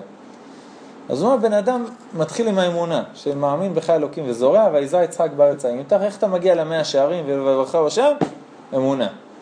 לשבת, לשנן, לית אתר פנוי מיניה, לית אתר פנוי מיניה, הקדוש ברוך הוא פה, שהביא השם נגדי תמיד. עוד איזה פסוקים שסתם קראת את התהילים, הגעת לאיזה פסוק שאתה מרגיש שהוא מבהיר אותך, וכנראה שהפסוק הזה קשור שורש מותך. קח דף, תרשום את הפסוקים האלה. ובזמנים כאלה תחזור עליהם. עשר פעמים, עשרים פעם, שלושים פעם, מאה פעם גם. הרב אבולעפיה, שהיה צדיק יסוד עולם, יש קבלת אבולעפיה. איך להגיע לרוח הקודש על ידי מה שהוא כתב. ורבי חיים ויטל בשער ד' של אשר קדושה מאוד מאוד מחזיק ממנו, והוא מביא שם אה, השגות מטורפות של רוח הקודש, דברים מדהימים, על ידי חזרה על פסוק. 100, 200, 300, 400, מה שהיום קוראים לזה מנטרה, הוא לקחת פסוק. והפסוק הזה זה פסוק מהתורה. כל רצון השם, כל העולמות חיים על, על מילה אחת בתורה כבר יכולים כל העולמות. על אות אחת בתורה כל העולמות יכולים לקבל חיות. הוא אומר, פסוק בתורה זה אש, והנה פסוק שקשור לשורש ממותך, ואתה חוזר עליו וחושב עליו וחוזר עליו, ואתה יכול להגיע לדברים מטורפים. לכן יהדות שרדה. לא, היא לא יכלה לא לשרוד עם כזאת עוצמה. בערבית זה השינון, השינון, כל הזמן השינון. נכון מאוד. אז הוא אומר, קודם כל אמונה, שב, תשנן, לית אתר פנוי מיני, לית אתר פנוי מיני, לית אתר פנוי מיני. תשעת אלפים פעם. אומר, מה קורה בשלב השני? השלב השני זה וימצא בשנה עם מאה שערים. מה אומר הקמרנה? ששם נצטיירו כל המציאות לרקיע ולכלים. זאת אומרת, עכשיו אתה בנית, בזמן שאתה ישבת על אמונה ושיננת ודיבקת את עצמך בקדוש ברוך הוא, בנית כלים לברכה. ש... ככה אתה בונה את הכלים שלמעלה יכולים להכיל את השפע בשבילך. ואז ויברכהו השם. מה זה ויברכהו השם? אומר, מאה ברכות זיו השכינה על ראש כל נשמות ישראל. זאת אומרת, המאה שערים של הברכות נמצאות בשמיים. רק עכשיו צריך למשוך אותם לפה. למשוך אותם לפה אתה צריך את האמונה, שהיא בונה את הכלים, שהיא משפיעה לך את השפע. מה שאורית, שאורית אמרה לנו קודם, אתה רוצה משהו? אתה רוצה שהוא יקרה? תרצה אותו, תחשוב עליו, תשנן את זה, תדמיין את עצמך כאילו זה כבר קרה. ככה אתה בונה כלים למציאות לקרוא. והכלים של דמיון מודרך, יש לנו פה אחת שיכולה להבין לנו את בעלה, שעושה לנו סדנאות שלמות בזה, אני, אני ממש אדיוט בדברים האלה. אז דברים שהם מאוד עוצמתיים, מאוד, מאוד, דברים שפועלים ברמות מטורפות, וזה הרצון. זה הרצון. כשאתה עובד על הרצון, הדברים אחרת לגמרי.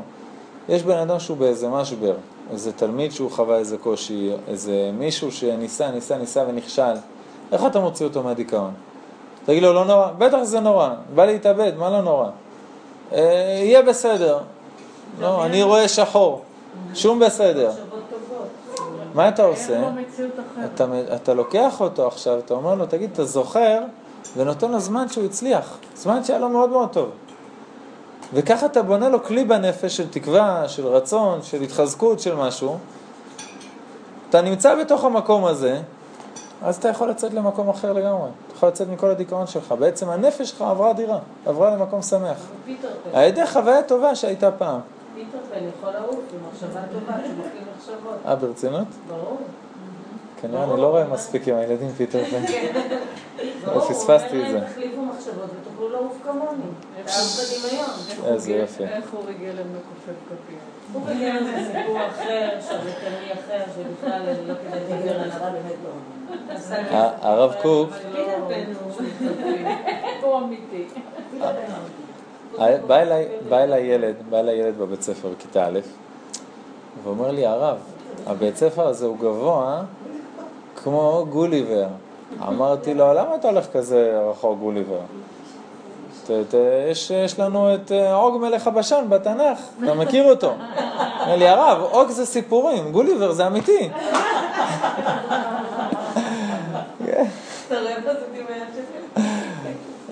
זהו, אז, סופר, אז פיטר פן זה, זה בסדר. והרב קוק כותב שמכל ספר ומכל דבר שאתה פוגש במציאות אתה יכול ללמוד לעבודת השם. אז פיטר פן ועוד הרבה סרטים אחרים בהחלט, אה, מלך האריות, בחודש אלול למדנו איך חוזרים בתשובה, מלך האריות זה... טוב, אז אה, אחרי שאתה יושב עם עצמך, אתה עושה איזה תהליך של השקטה, ואתה חוזר על הפסוק, וככל שאתה חוזר על הפסוק הזה, או על הלית אתר פנוי מיניה הזה, אתה חוזר עליו יותר פעמים, ככה כל המוח שלך שקט, כל המחשבות שמטרידות אותך הולכות. אתה מדבק את הרצון שלך בקדוש ברוך הוא.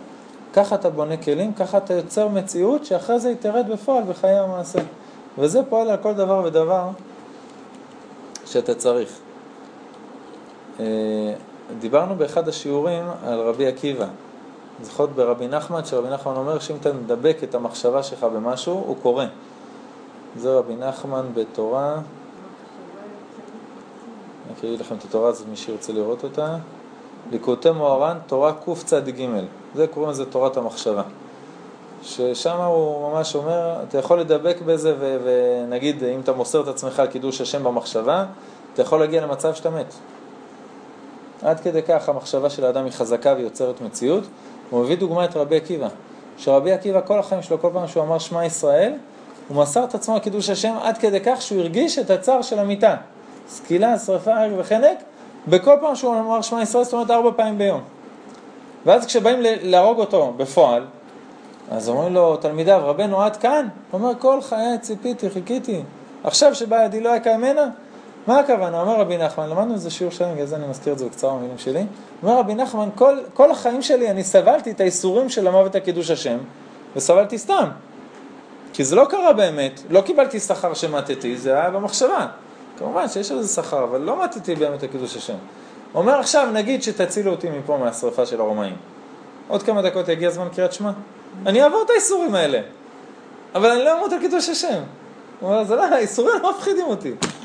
תראה מה זה מחשבה של רבי עקיבא, שעליו, כשהקדוש ברוך הוא, משה רבנו רואה את הנשמה שלו, הוא אומר לו, תראה לי מי זה הנשמות של כל דור דור ודור שם, מגיע רבי עקיבא, מראה לו אותו, מלמד תורה, ומשה רבנו לא מבין את השיעור. אז הוא אומר לו, הראת לי אותו, תראה לי את סופו, מראה לו, סרקים את בשר מסרקות שברזל. הוא אומר לו, משה רבנו, הקדוש ברוך הוא, זו תורה וזו שכרה? זה רבי עקיבא, זה מה שנגמר. הוא אומר לו, קח עלתה המחשבה לפניו. הוא אומר, מקובלים, רבי עקיבא מושרש במחשבה האלוקית. זאת אומרת, הוא כשהוא חושב על משהו, הוא מרגיש את זה, הוא מרגיש את זה קורה.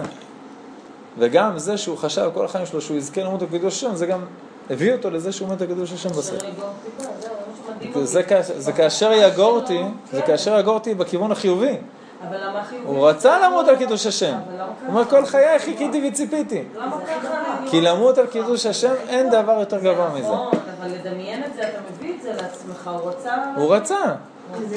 עזבי, דוגמה אחרת, רבי יוסף קארו, בעל השולחן ערוך, היה לו מגיד, מלאך. כן. מלאך שהיה בא מלמד אותו תורה, זה מובא בספר, כל מה שהוא אמר לו.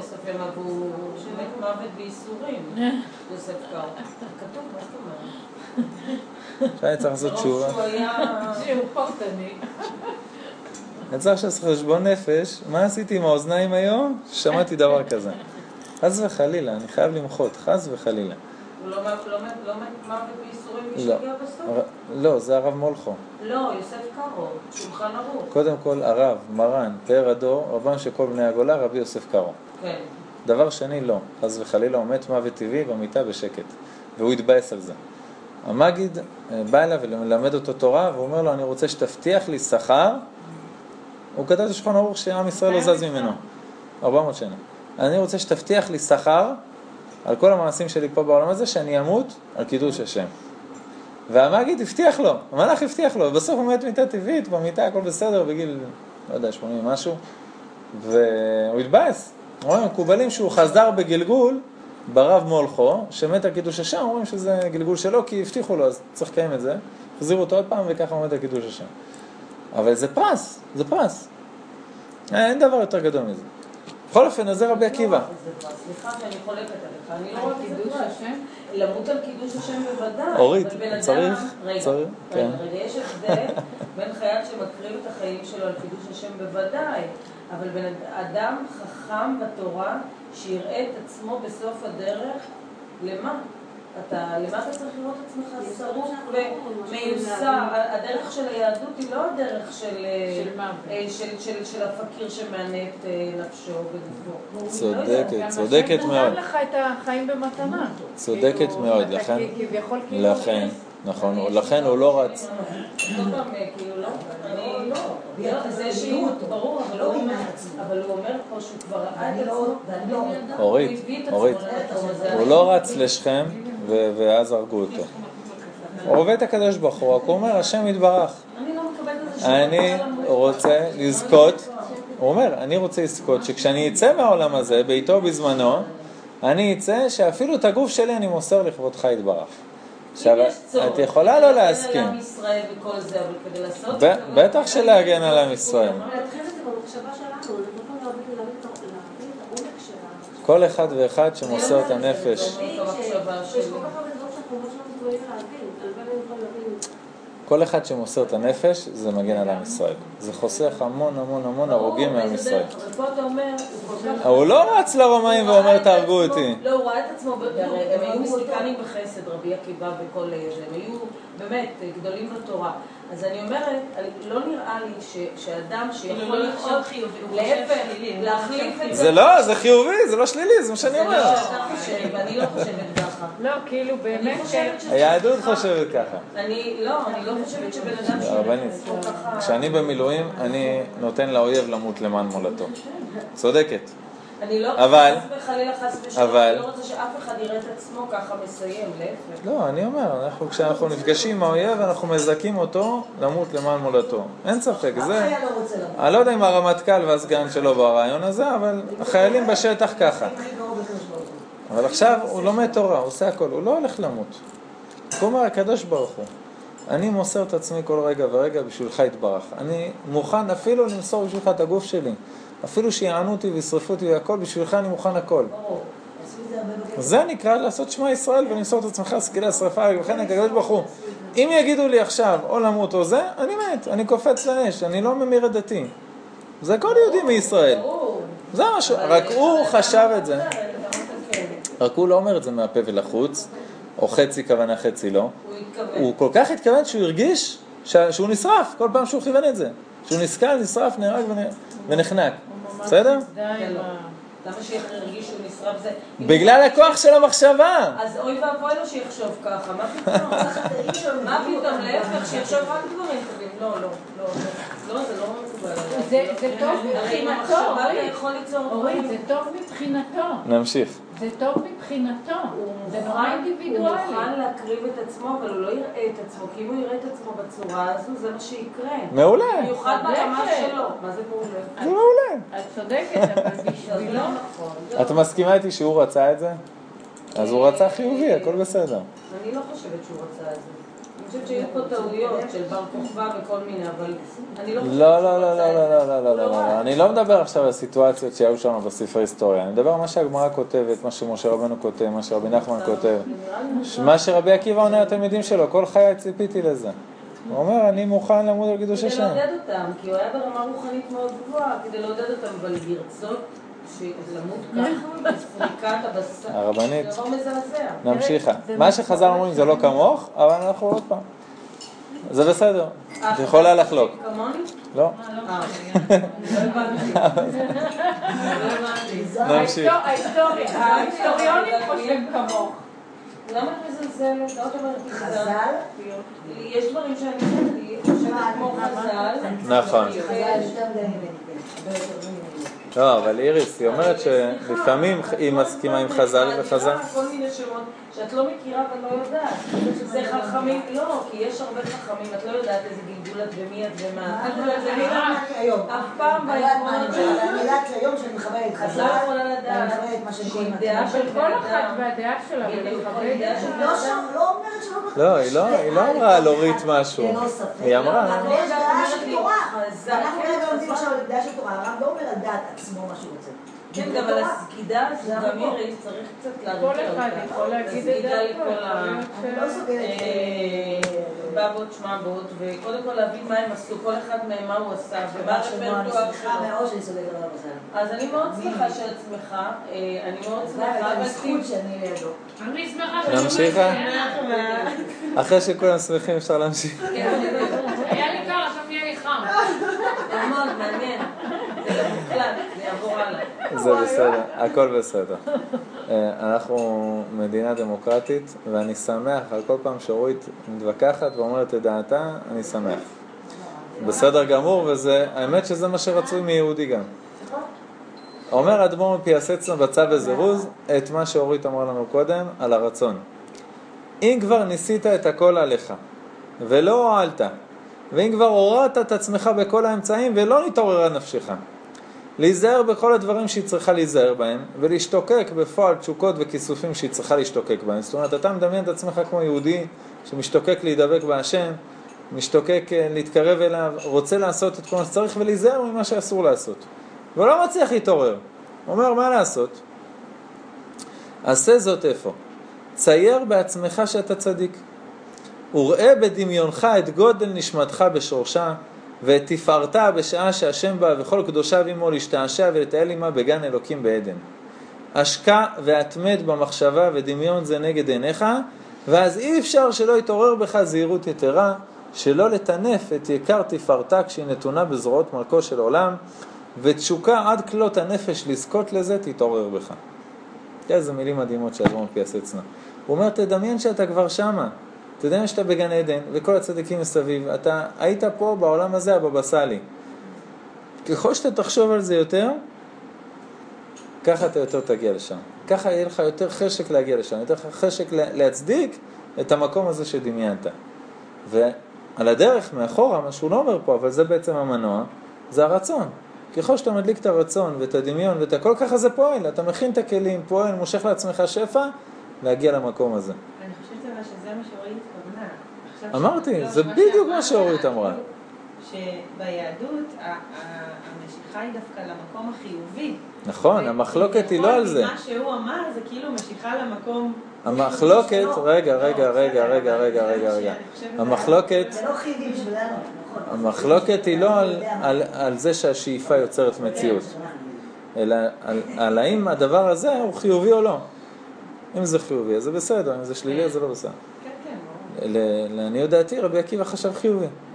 והדבר הזה חיובי. אורית אומרת, זה לא חיובי.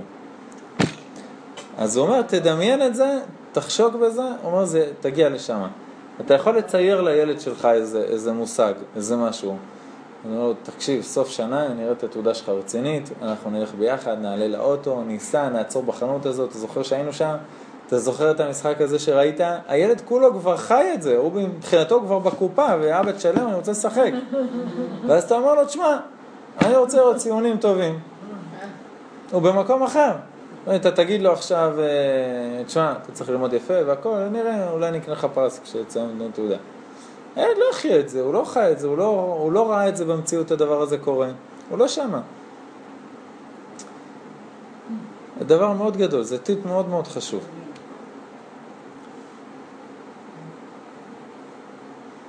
אמרנו שנדלג על הליקוטי מוהר"ן הזה.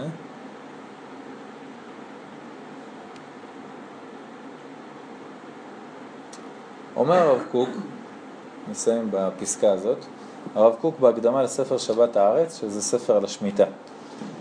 אה, הוא אומר, יש לך את הזמן הזה שאתה צריך לעצור מהמרוץ של החיים ולעשות את הדמיון המודרך הזה שדיברנו עליו. זאת אומרת, להתחבר למדרגות יותר גבוהות ולרצות להגיע אליהן. אומר הרב קוק דבר מדהים. אומר, היחיד מתנער מחיי החול לפרקים קרובים, בכל שבת. הוא אומר, תדע לך, השם נתן לך שבת בדיוק בשביל המטרה הזאת. להתחבר לרוחניות, להתחבר למשפחה, להתחבר לקהילה, לבית הכנסת, לתפילות, לקריאת התורה, לשיעורים. להתחבר לרוחניות שלך, זה הזמן. וזה אמור להשפיע על כל השבוע, זה אמור להביא אותך למדרגה שכל השבוע אתה חי מהשבת הזאת. באה שבת, באה המנוחה. מתחילה הנפש להשתחרר מכבליה הקשים, כמו שכתוב בישעיה, והיה ביום מניח השם לך מעוצבך ומרוגזך מן העבודה הקשה אשר עובד בך. זאת אומרת, אתה, אין לך עבודה, אין לך סידורים, קניות, נסיעות, סדרות בטלוויזיה שאתה רוצה להשלים. אתה פנוי, שבת, הכל בסדר. ומבקשת היא אז נתינות עליונות, חפצים ורוחניים כפי טבע מקורה. ואז הנשמה יכולה לשאוף קצת יותר למעלה מהיום הרגיל שאתה עם כל הטרדות. טוב להודות להשם ולזמר לשמך עליון, להגיד בבוקר, אז דרך למותך בלילות, עלי עשור ועלי נבל, עלי גאון בכינור, ביני ובין בני ישראל אותי לעולם, שהוא יום קדוש. ואות היא לאומה שיש בסגולת נשמתה צורך ויכולת להתענג על השם. ונועם אלוקי המתכנס לנקודה רוחנית, רוחנית של נשמה יתרה, שרוי בליבו של כל יחיד מבניה. זה קורה לך כל שבת ושבת בצורה פרטית. מה עם עם ישראל בכללותו? מה עם כל האומה? את אותה הפעולה שהשבת פועלת על כל יחיד, פועלת היא השמיטה על האומה בכללה. שנת שמיטה זה כשכל עם ישראל עכשיו עוזבים את השדות, עוזבים הכל, ושנה שלמה של שנת שבתון. ואז כל האומה בנפש, אפילו אם אני אמשיך לעבוד בשנת שמיטה כי אין לי שדה, בנפש כל עם ישראל נמצא במקום אחר. צורך מיוחד הוא לאומה הזאת שהיצירה האלוקית נטועה בקרבה באופן בולט ונצחי, שמזמן לזמן יתגלה בתוכה המאור האלוקי שלה בכל מלוא זוהרו, ולא ישבית אותו חיי חברה של חול ועמל ודאגה וזף ותחרות אשר להם. למען תוכל להתגלות בקרבה פנימה טהרת נשמתה בכללותה כמו שהיא. זאת אומרת, אתה, מה שקורה לך בשבת, קורה לכל עם ישראל בשנת השמיטה. אבל מה קורה? בדיוק התהליך שדיברנו עליו. הרצון, ההידמות לקדושה, המחשבות על הקדושה, הרצון להידבק, החיבור לקדושה בכל מיני אמצעים שאתה עושה בשבת ובשמיטה, ואז אתה יכול, בזכות השבת והשמיטה, לעבור את השבוע כמו שצריך, עם כל הטרדות והזף והבלגן והכל. מה אומר החיים הקדוש? ששת ימים תעשה מלאכה, ביום השביעי תשבות. הוא אומר אם ביום השביעי תשבות, כמו שצריך, ששת ימים המלאכה, לא כתוב תעשה, תעשה, הוא אומר תעשה מאליה. יהיה לך סייעתא שמע מטורפת בכל מה שתיגע במשך השבוע. אם שבת, תעשה כמו שצריך. וזה באחוזים. כמה שיותר שבת, ככה שיותר סייעתא שמע בכל ימות החול. למה? כי השבת היא זאת שמחיה את ימות החול. כתוב בזוהר הקדוש שהקדוש ברוך הוא ברא שישה ימים בלבד. הקדוש ברוך הוא ברא ראשון, שני, שלישי, רביעי, חמישי, שישי, הראשונים, ששת ימי מעשה, וזהו. מאז הכל made in China. אומר סתם, הזוהר הקדוש אומר, מאז השבת הראשונה שהגיעה, בודק איתי אם העולם הגיע לסופו, אם הוא מושלם, תוקן, נגמר ששת אלפים שנה. לא נגמר, נותנת בטריה לעוד שבוע. מגיע שבת, העולם תוקן, לא, קח בטריה לעוד שבוע. זאת אומרת, איך שהשבת שלך נראה, נראית, ככה השבוע שלך ייראה. איך שהזמנים, שנייה, איך שהזמנים של התפילה ושל הזמנים שאתה מתבודד וחוזר על הפסוק ומדמיין ומחזק את הדמיון, סליחה, של הקדושה, ככה ייראה כל המשך היום. תעשה את זה כל שעה, אתה בן אדם אחר. אבל גם אם כל יום, פעם בשבוע, פעם בחודש, ככה משהו רציני, אתה בן אדם אחר, אתה מקבל כוחות חיים לחיים שלמים מהתפילה הזאת. השם יעזרנו הדבר כבוד שמו. זה הרבה שיעורי בית, השיעור הזה.